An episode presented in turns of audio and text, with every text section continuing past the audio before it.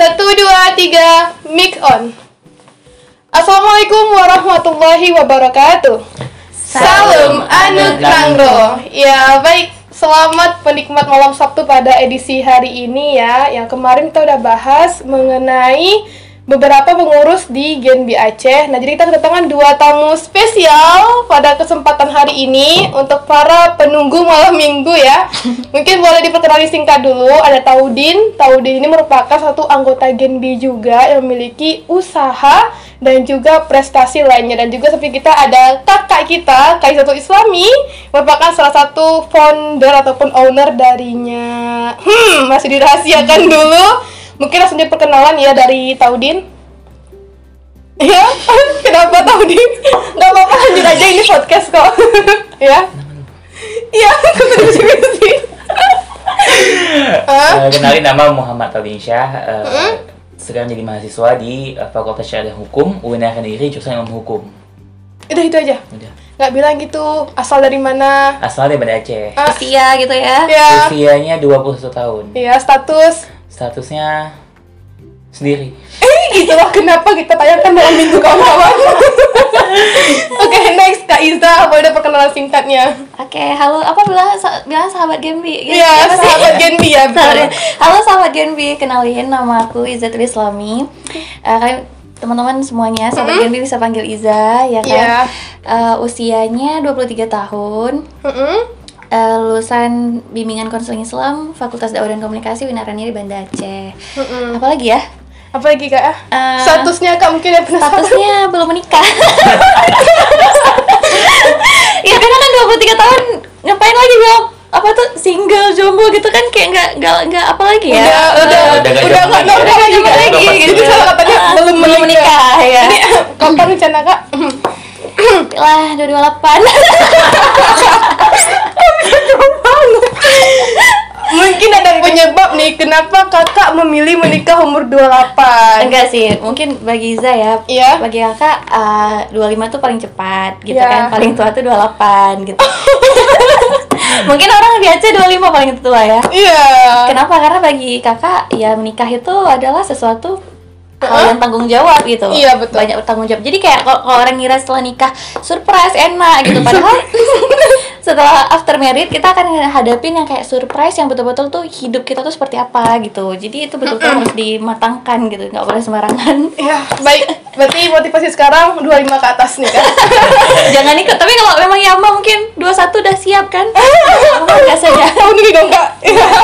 Jadi kan ternyata kami buat podcastnya itu setiap malam minggu. Hmm, kan ya itu untuk motivasi para para kaula yang memang jomblo bisa bilillah seperti abang kita dan kakak kita. Nah jadi mereka berdua merupakan sesuatu ya salah satu anak bangsa yang mempunyai bisnis bahkan produk sendiri dan juga ada beberapa memang bisnis yang udah udah dijalankan oleh orang lain dan di disalurkan pasti ya dikonsumsi ya kayaknya ya? Kalau untuk bisnis Taudin sendiri jelasinnya udah ada tapi dilanjutkan untuk di Aceh tuh apa ya pemegangnya gitu ya? Mm-mm. gimana nih mungkin dari Taudin usaha yang dimilikinya Uh, untuk pribadi sekarang kan yang jalan usaha ada dua. Yang pertama itu ada yang hand buket sama yang uh, handphone aksesoris gitu kan. ulu ulu Nah, ulu cuma dua gitu. Untuk yang lain sendiri uh, yang buketnya itu at RK Buket dengan yang satu lagi yang aksesoris handphone tuh ya at push.id di follow jangan lupa. ya nanti nanti kami sertakan ya Instagramnya di bawah ini ya jadi mungkin dua-duanya ini berarti memang punya Punya. punya Taudin punya ya pribadi ya. itu dari kapan jalan usahanya Itu yang kok yang buket pertama kali uh, usaha tuh yang di buket ini. Itu kelas uh, 2 SMA. Wow.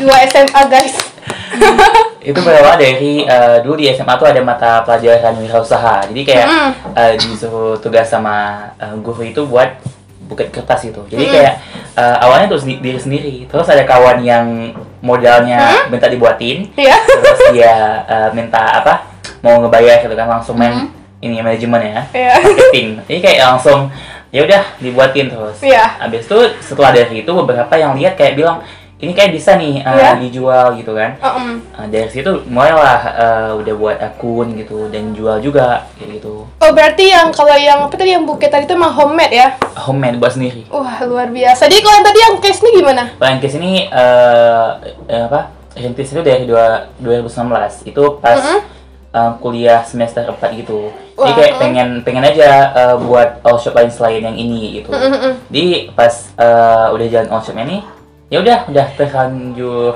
banyak yang pesan ya udah langsung aja kayak gitu all shopnya jalan Hmm, jadi begitu. Ada dua usaha. Ya Allah, saya insecure. gemoy ya Gemoy ya. Dua, Kak. Dua. Yang satu SMA, satu kuliah. Luar biasa. nanti nanti eh, pas setelah kuliah ada lahir lagi Ada lagi nanti yang lain. Berarti yang homemade dan juga ini langsung diproduksi langsung ya dari sananya. Dan untuk Kak Iza nih, mungkin bocorannya ya. Mungkin nggak asik apa nggak asing lagi ya nama kata your tasty ya. Artinya apa ya kak? gitu ya. Nah jadi untuk Kak Iza nih dia punya usaha yang juga homemade ya buatan sendiri hasil sendiri dan juga usaha sendiri yang mungkin sekarang udah menuju kesuksesan juga insya Allah kak ya. Ah, mungkin kak perkenalan usahanya kak. oke kenalin usaha aku Iya, oke maaf ya jadi kok bocor kali podcastnya? Oke, jadi gini. Kalau mulai usaha tuh j- jatuh bangun dulu kan, itu dari sekolah, dari SMA sama kayak kayak beliau gitu kan dari SMA. Cuman itu kan masih masih zaman-zaman dulu tuh kayak usaha tuh kayak yang penting gini gini gini aja gitu, tapi nggak ngerti gimana cara manajemennya gitu. Heeh. Terus eh, yang betul-betul bangun itu setelah jatuh bangun tuh di 2018 tuh bingung tuh dari fashion udah coba entah apa apa udah coba gitu. Akhirnya ternyata eh, di bisnis kuliner gitu. Iya. akhirnya eh, Iza kakak bikin bisnis eh, rice bowl rice box bis itu nasi uduk gitu kan. Eh, gitu. Jadi akhirnya bangunlah di 2018 sampai sekarang gitu. Sampai 2018 2019 2020 2021 Berarti awal mulanya kan dari 2018 kak ya? Eh, akhir 2018 Akhir. Berarti tuh kak masih kuliah lah ya? Mm-mm, masih kuliah waktu masih kuliah. Mm-mm. Terus kak, kalau boleh tahu nih kak kan waktu awal mula bangun usaha nih kan, kalau karena kan setahu ya mas sendiri kan kalau kuliner tuh kan daya saingnya tuh kan kuat, Mm-mm. ya kan apalagi di kalangan mahasiswa ataupun yang lainnya kan, karena hampir semua orang bangun usaha kuliner nih, berlomba-lomba kuliner ini itu, sampai kayaknya yang nggak mungkin terbuat juga. Nah jadi kakak waktu jaga waktu pasar pertama nih untuk kuliner tuh kayak mana kak? Oke. Sebenarnya gini, Mm-mm. eh, kakak pribadi hobi masak kan, jadi Iya. emang suka gitu. Jadi kita kalau ngelakuin sesuatu yang sesuai dengan yang kita suka kan, pasti kita nggak pengen eh, hasilnya tuh jelek gitu kan. Jadi kalau kuliner tuh kuncinya cuman dirasa sih menurut kakak gitu. Mau semahal apa pun, mau gimana pun, ketika kualitas rasa tuh nggak akan ada yang bisa nandingin gitu. Karena beda tangan aja tuh beda rasanya ya kan. Iya, betul. Nah, Betul, betul. Misal mama kita buat goreng telur, itu mata sapi itu. Yang Iya. mau buat dengan kakak buat beda. Iya. gitu, gitu kan. Jadi kalau kuliner tuh sebenarnya kuliner tuh adalah bisnis yang paling sulit disaingi. Betul. Jangan salah. Kenapa? Misal kita jual baju, sebenarnya semua tuh ada plus minusnya gitu. Kan Iya. misal kita jual baju, itu kalau orang kalau misalkan niru, itu dia bisa ambil 2000 per item, itu Iya. dia bisa kalau dia nggak bisa pemasaran dengan bagus itu bisa jatuh. Iya. Kenapa? Karena ada yang murah. Tapi kalau masakan itu adalah taste-nya tuh lebih ke detail ada deh. Betul. Detail kayak dari bumbunya tuh berapa, bawangnya berapa itu itu sangat mempengaruhi dari segi masakan gitu. Tapi memang banyak yang tiru. Tapi kalau memang kita kuatkan di bagian rasa itu, kita akan maju. Contoh nggak usah jauh, misal kayak kalian tahu lah ya, misal kalau di Banda Aceh itu ada warung makan ayam yang memang tuh dari 2000 berapa sampai sekarang tuh masih maju. Tapi ada juga yang enggak kayak gitu. Iya.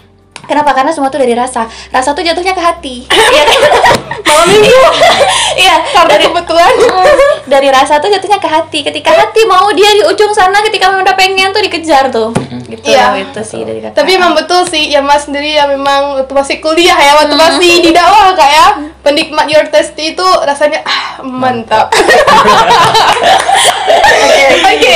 Nah tadi mengenai apa ya mengenai apa ya bocoran usahanya. Nah untuk Udi sendiri boleh tahu dong kira-kira eh, biaya awal ataupun omset awal ketika bangun usaha tuh berapa sih gitu? Eh, kalau yang SMA tuh kayak kalau omset awalnya itu masih eh, minim tuh masih dikit tapi kalau pas pas eh, di fase yang boomingnya itu yang si Buket nih itu memang sampai dari pagi sampai ke malam lagi itu emang asik itu dia buatnya gitu apalagi pas lagi musimnya farewell party kan misalnya kayak eh, Oh, ya iya, asik iya. gitu kan itu memang kayak orderannya panjang kali gitu Wah, dan omsetnya lumayan gitu oh. kalau yang untuk yang case ini yang Iya. baru-baru ini eh, untuk omsetnya itu awal-awalnya masih kayak dari kawan ke kawan aja gitu. Oh. Nah, jadi kayak eh, selanjutnya baru tuh banyak gitu.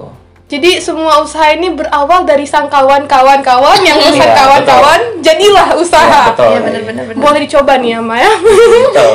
Kalau untuk Kak Iza nih ada berita kemarin itu sempat ada berita yang masuk tuh ada sih kayak Skandal kan? Jadi berita gitu. Eh, apa ya eh, apa ya pokoknya berita itu apa ya mahasiswi itu pokoknya omset awal 35.000 ribu Oh ya. eh itu itu kak, kak lupa bacanya ah itu gimana tuh kak betul 35.000 ribu Iya, tiga puluh ribu itu kan kakak Mm-mm. eh, modal awal tuh tiga puluh ribu untuk beli cupnya. Oh. Karena kayak bawang itu semua tuh ada di rumah kan. Jadi oh nggak salah Eh, eh, jadi pas eh, itu pas jual pertama tuh ya udah eh, promosi lah kan ke teman-teman kayak gitu. Habis itu teman-teman pun juga support kayak itu kan kayak eh, itulah kayak kakak bilang tadi ketika kita bisnis kuliner itu rasa tuh harus paling penting gitu. Kalau kita jual terus orang datang lagi artinya kita sukses. Tapi kalau dia kita jual dia datang lagi itu pertanyaan besar. Ada yang salah di bisnis kita. Jadi alhamdulillah ketika jual itu hari pertama kakak jual dipromosiin besoknya tuh langsung tut tut tut tut, tut, masuk pesanan gitu kan oh masuk pesanan langsung itu langsung modalnya tuh balik gitu. Jadi kembang kembang kembang kembang kembang terus kayak gitu. Akhirnya eh akhirnya udahlah jual lah di kantin. Waktu itu kan kantin dakwah lagi sepi gitu. Emang Iya, mm, nggak ada kantin, nggak ada Kak, ya? kantin. Udahlah kakak jual di depan sekret gitu jual. Udahlah kayak gitu. Akhirnya gitu dah. Gitu akhirnya dah. sampai sekarang akhirnya sampai ya. sekarang. Hmm, nah jadi mungkin kalau saat ini terkendala di pandemi kak ya. Mm-mm. semenjak pandemi nih kan nah ini juga mau tanya nih kan karena pandemi nih ya mungkin kalau untuk kayak bisnis Taudin yang via online gitu ya mungkin yang bisa langsung ordernya online nggak susah. Itu bukan kuliner nggak terlalu sensitif lah orang kan? Betul. kalau masa pandemi ini apa ada saya kayaknya apa mungkin lebih untung atau lebih rugi kayak gitu? Eh, nggak keuntung rugi lebih kayak lebih down sedikit karena kan ini kan eh, pandemi ini bukan para all shop juga yang Hmm. Iya. down tapi negara memang lagi down gitu Mm-mm. jadi kayak eh, kita masih buka orderan semua masih cuman nggak sebanyak biasanya gitu yang Hmm. Oh. ordernya gitu cuma itu aja sih kendalanya Oh tapi kalau untuk orderan jalan terus ya, Jalan cuma nggak terus. sebanyak yang nggak kemarin sebanyak kayak biasa gitu Nah, jadi kalau untuk Kak Iza ini kan kakak bidang kuliner. Biasanya kalau kuliner kan tuh kan agak sensitif ya gitu, Kak ya. Karena kondisi ini pertama tempat pun udah susah untuk kita buka. Gimana tuh, Kak?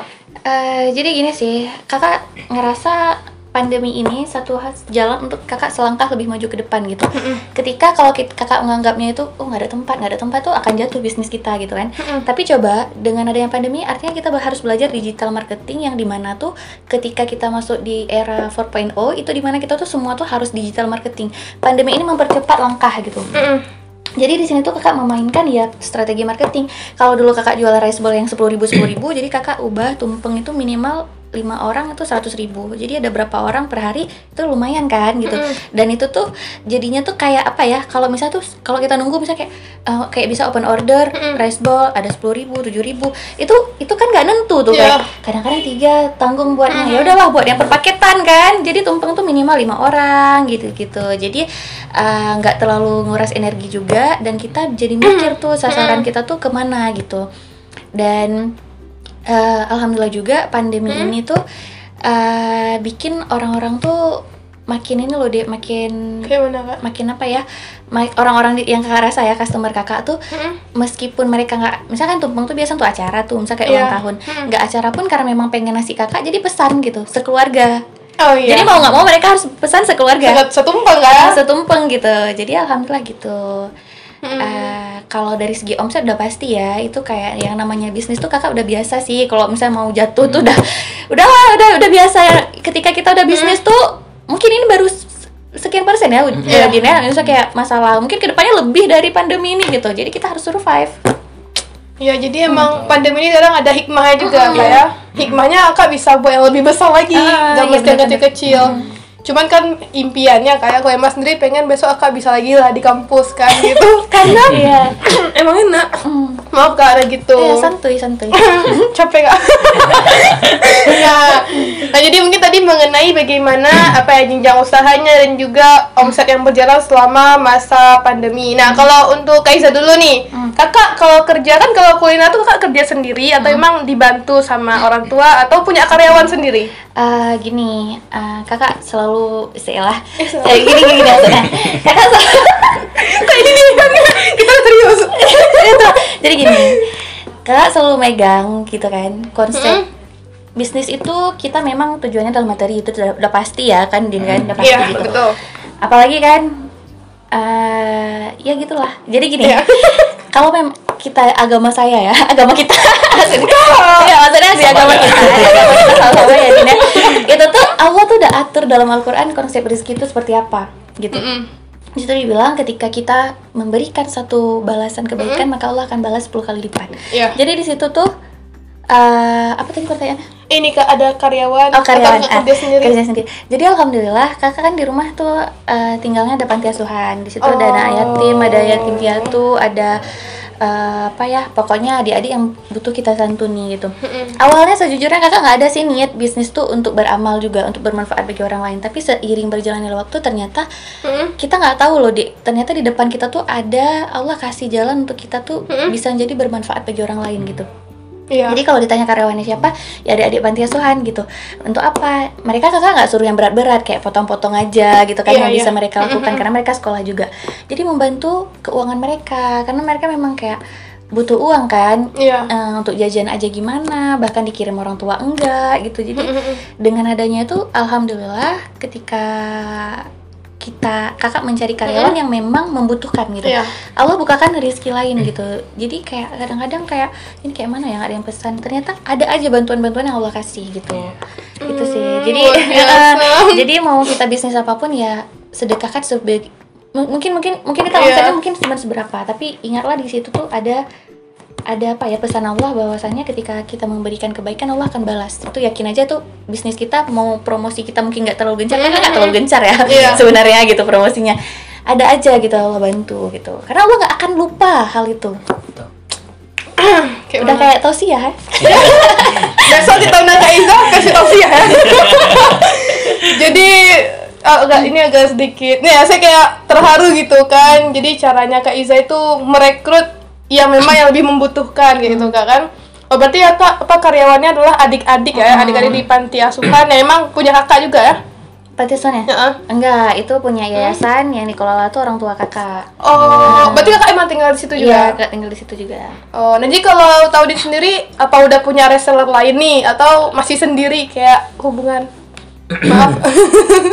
untuk bisnis sendiri kan yang kecil ini kayak eh, untuk karyawan sendiri belum ada nih. Paling kayak yang bantu tuh kayak keluarga kayak gitu. Misalnya kayak Oh, iya. kakak adik gitu kan. Tapi kalau yang bisnisnya buket nih nanti yang yang potong tuh kakak yang potong yang ngelim tuh adik gitu kan. Jadi kayak lebih ke keluarga aja gitu. Tapi kalau yang tuh yang kayak sini mungkin yang resellernya kayak eh, dia bilang gini bang mau jual eh, lagi boleh nggak? gitu. Iya, boleh iya, gitu. iya. cuma resellernya nggak yang kayak reseller resmi kali gitu. Karena Oh, kan iya. mungkin dia juga mahasiswa gitu kan kayak mau jual juga gitu. Cuma segitu aja sih Oh, berarti bisa kalau yang mau bilang itu bisa gak Din ya? Eh, bisa. Ah, bisa, Tapi bisa. jangan eh, jangan terlalu Ah, ya.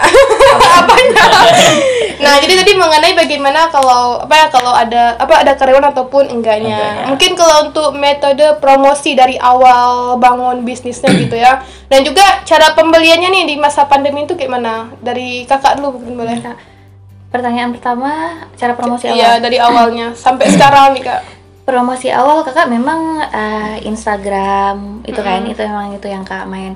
Kakak eh, gini, kalau dulu tuh kan dari SMA tuh kita penting kali organisasi kan. Iya. Kalau orang bilang dulu pasti kalau kalian organisasi, Iya. ngapain sih organisasi nggak dibayar ini ini pasti gitu kan. Iya, betul, Kak. Betul. efeknya tuh kalian rasakan ketika umur 23, 22 itu itu terasa kan gitu. Ketika kalian butuh jaringan, pekerjaan dan sebagainya. Iya, iya. Jadi alhamdulillah susah-susah waktu SMA organisasi pulang Hmm. malam apa gitu kan terbayar tuh ketika kita bangun bisnis gitu. Jadi Oh. alhamdulillah kan teman-teman tuh kayak yang jadi selebgram dan lain sebagainya tuh kakak endorse itu nggak bayar Iya. karena tuh kawan gitu ya kan din gitu Betul. Eh, terus itu abis itu ada jaringan gitu kayak Iya. eh, pas endorse gitu eh itu menarik kok Eh, abis itu kayak ke eh, apa ya ke website website bukan Mm-hmm. website akun Instagram yang memang menurut kakak tuh ing- apa jangkauannya tuh tinggi gitu. Itu kakak bayar. Nah, karena memang itu udah SOP mereka gitu kan. Iya betul. Misal gitu Selain itu kak mungkin media lain yang bisa direkomendasi? media lain eh, paling eh, setiap apa ya karena di kabar Aceh itu kan dilihat orang tuh misalnya kayak diundang di TV gitu. Jadi mereka tertarik gitu. Jadi kayak ke TV-TV talk show gitu. Oh mungkin kayak TVRI kemarin gitu kan ya? TVRI, RCTV juga gitu kan.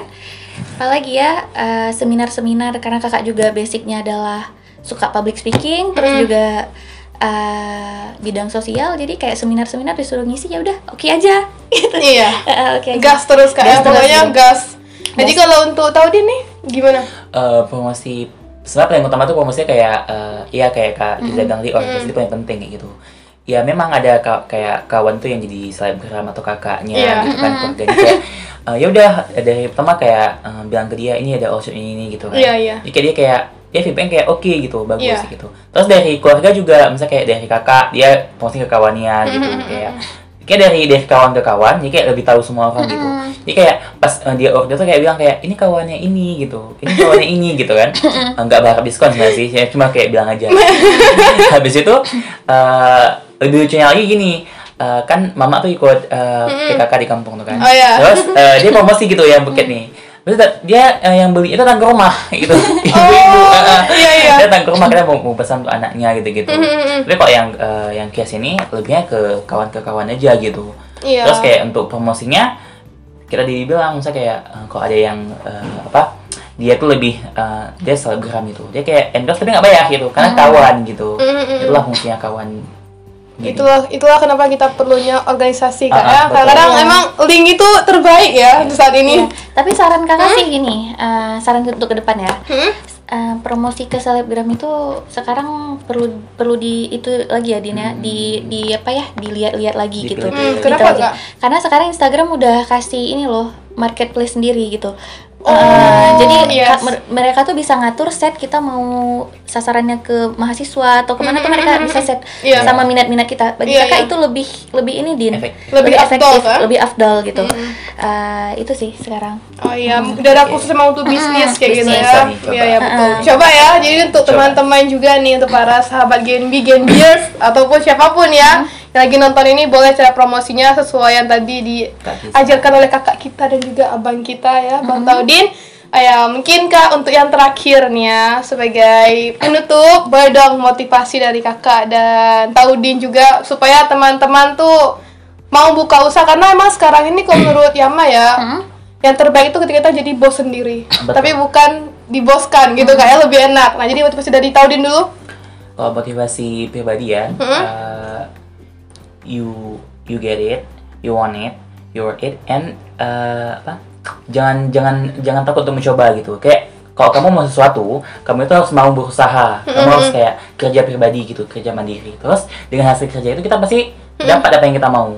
Tapi jangan takut untuk mencoba kayak gitu. Iya. karena kalau kita tahu potensi kita tuh misalnya kayak di sini nih Iya. kayak takut gitu mencoba gitu. Tapi nggak salah untuk mencoba gitu karena kita tahu potensi kita tuh di mana gitu. Gitu sih jadi jangan takut untuk jatuh Mm, bangun betul. jatuh Itu lagi udah biasa Iya. kalau dari Kak Iza Oke, kakak kayaknya melanjutkan apa yang eh, Udin bilang ya. iya boleh Harus jangan mencoba. Udin. panggilan panggilan gemoy tuh. Gemoy. Udin. Iya kak. Maaf ya. Ya, Nggak apa-apa, kan, itu panggilannya. Oh gitu. Apa tadi ya? Oke. Kalau kakak melanjutkan, kalau kata Udin jangan takut mencoba. Hmm. Setelah kalian try uh, mencoba, terus tuh jatuh-jatuh, kakak mau bilang gini. Semua profesi apa pun yang kalian lakukan itu adalah terbaik. Mau kalian jadi dokter, guru dan lain sebagainya berwirausaha itu baik gitu. Yang penting apa? Totalitas dalam mengerjakan sesuatu gitu. Iya. Kalau seandainya semuanya menjadi entrepreneur, siapa yang beli? iya Uh, betul. kalau seandainya semuanya pengen jadi wi- berwirausaha, yang jadi dokter siapa gitu. Jadi ketika kamu milih suatu jalan, itu harus totalitas melakukan segala sesuatu gitu. Jangan memaksakan diri gitu. Udah coba, Iya. padahal kita nggak ada basic. Mm-mm. Terus kita nggak eh, apa tuh? Sebenarnya kita bisa gali itu karena nekat 90 pe- 99% akan mengalahkan bakat gitu. Iya. Ketika memang kita coba terus kita kayak memang nggak ada jiwa di situ ya jangan dipaksakan mungkin jiwa kamu di lain gitu Iya. gitu misalnya ketika misalnya Yama cita-citanya pengen jadi misalnya jadi Eh, Manusia berguna sih kak. itu umum kali saya pengen jadi presenter jadi presenter yang totalitas yang baik gitu Iya. kamu akan sukses di jalan kamu sendiri gitu standar bahagianya tuh juga beda-beda Iya, jangan iya. ikutin orang jadi kita Iya. kayak jadi apa ya nggak Iya, Kak. menghargain kita diri sendiri gitu Betul betul. Jangan nanti orang jadi anu kita anu juga. Maksudnya jadi ini kita ini juga Betul, betul, gitu. betul, betul. Semua pengen kak. semua semua pengen. Santi emang pengen jadi kayak Kak Iza, pengen punya produk sendiri. Itu bukan your testy namanya. Udah serakah ini nanti ya. Iya, jadi serakah. Itulah. Berarti semua orang punya potensinya. Punya potensi masing-masing. Masing-masing. kenali diri sendiri lah dulu gitu. Sekarang kan udah banyak tuh. Mm. media-media kayak tes psikologi kita tuh sebenarnya basicnya di mana sih iya, gitu. Passion Skillnya kita tuh di mana. mana gitu. itu sih yang harus kita pelajarin. Karena have fun juga kita ketika kita jalanin ya. Iya, salah satu yang dikerjakan tuh enaknya kayak jadi hobi sendiri kayak Betul. kayak Kak Iza hobinya masak. Dia luang apa dia tuangkan lah ke bisnisnya. Mood Untuk lagi si ya, Udin nggak tahu bilang hobinya apa. Udin hobinya udah lebih ke kreatif sih dia kan kreatif Iya, ya. emang Kreatif. Banyak yang bilang gitu kak. kreatif gitu ah, misal liarnya ada aja idenya gitu Kreatif banget. mungkin kan dia lihat meja ini, ini apa aku buat ya gitu Ya, ada juga nanti bentar lagi dijual buket ya sini ya jangan lupa. Ini Kak Iza kalau perlu buket mungkin bisa calling iya, Udin. iya, Udin iya, kalau iya. ada acara di rumah jangan lupa calling Kak Iza nasi tumpengnya ya. Dan eh, kan nih kan dari buket bunga atau kue Semua ada. Semua ada. ah, Oh. bau, bau bunga, kue, uang, rokok juga bisa kayak gitu. Oke, jadi enggak mungkin nanti kan dari buket bunga jadi party planner ya nanti Is. wedding kan Tempat kalau Maaf. kan dijadi. kreatif Ah, kayak karena sekarang din eh, kayak dekor dekorasi yang hits di Banda Aceh kemarin kami ada bikin CEO Talk Week kan Wah, iya jadi hostnya Kak Iza. Juga jadi kan kakak hostnya tuh jadi eh, apa ya dekorasi yang deko apa ada satu dekorasi di Aceh tuh yang hits sekali dan itu itu cowok Iya. cowok gitu dan itu motivasi bikin kakak motivasi dan omset tuh mantap gitu Tapi emang betul loh Kak, sekarang lagi lagi famousnya orang bangun usaha kayak Iya, gitu kan. karena Udin nih kreatif orangnya gitu. Maksudnya dia punya nih. Kayak kayak setelah berikut ini akan ada perbincangan dia punya tes tes sendiri gitu Iya. dan semua orang tuh nggak semua orang tuh bisa punya Iya betul kak, setuju. Setuju. Ya Mas Dede aja nggak kreatif. Udin yang kreatif. Mungkin siap ini bisa lanjut perbincangan antara Kak Isa dengan Udin. Nah jadi mungkin karena terbatasnya waktu kak ya. Padahal sudah kalau kali ya. Eh, padahal padahal kalau lama tuh selalu dengar kak. Iya. Kalau tahu kayak gitu udah. Tapi nanti mungkin di lain kesempatan ya Kak Isa bisa datang lagi. Atau Oke. untuk teman-teman yang minat undang Kak Iza jadi pemateri seminar ataupun jadi pembicara lainnya boleh ya nanti untuk Instagram Kak Iza sama Instagram bisnisnya juga bakal kami cantumin yang pastinya yang pastinya rasanya itu emang betul-betul enak emang nggak bohong karena kalau nggak nggak mungkin emang sering beli dulu Waktu yang apa? Kak ada nasi nggak ada lagi? Ya. gitu. itu ekspresinya Mas Erika kali ini ada nggak ada lagi itulah saking enaknya mungkin yang belum merasa udah boleh rasa dulu karena daripada daripada merasakan perasaan cinta yang tidak jelas dengan rasain produk Kak Iza ya kamu malam minggu ya mungkin uh, sekian dulu untuk podcast kita pada Sabtu malam ini karena malam kebetulan dan juga jangan lupa untuk minggu depan akan ada pembahasan yang lebih menarik lagi dan juga lebih unik pastinya dengan bintang tamu yang luar biasa. Karena kalau kita tuh pakai salam. Oke. Okay. Satu, dua, tiga. Assalamualaikum warahmatullahi wabarakatuh. Dadah.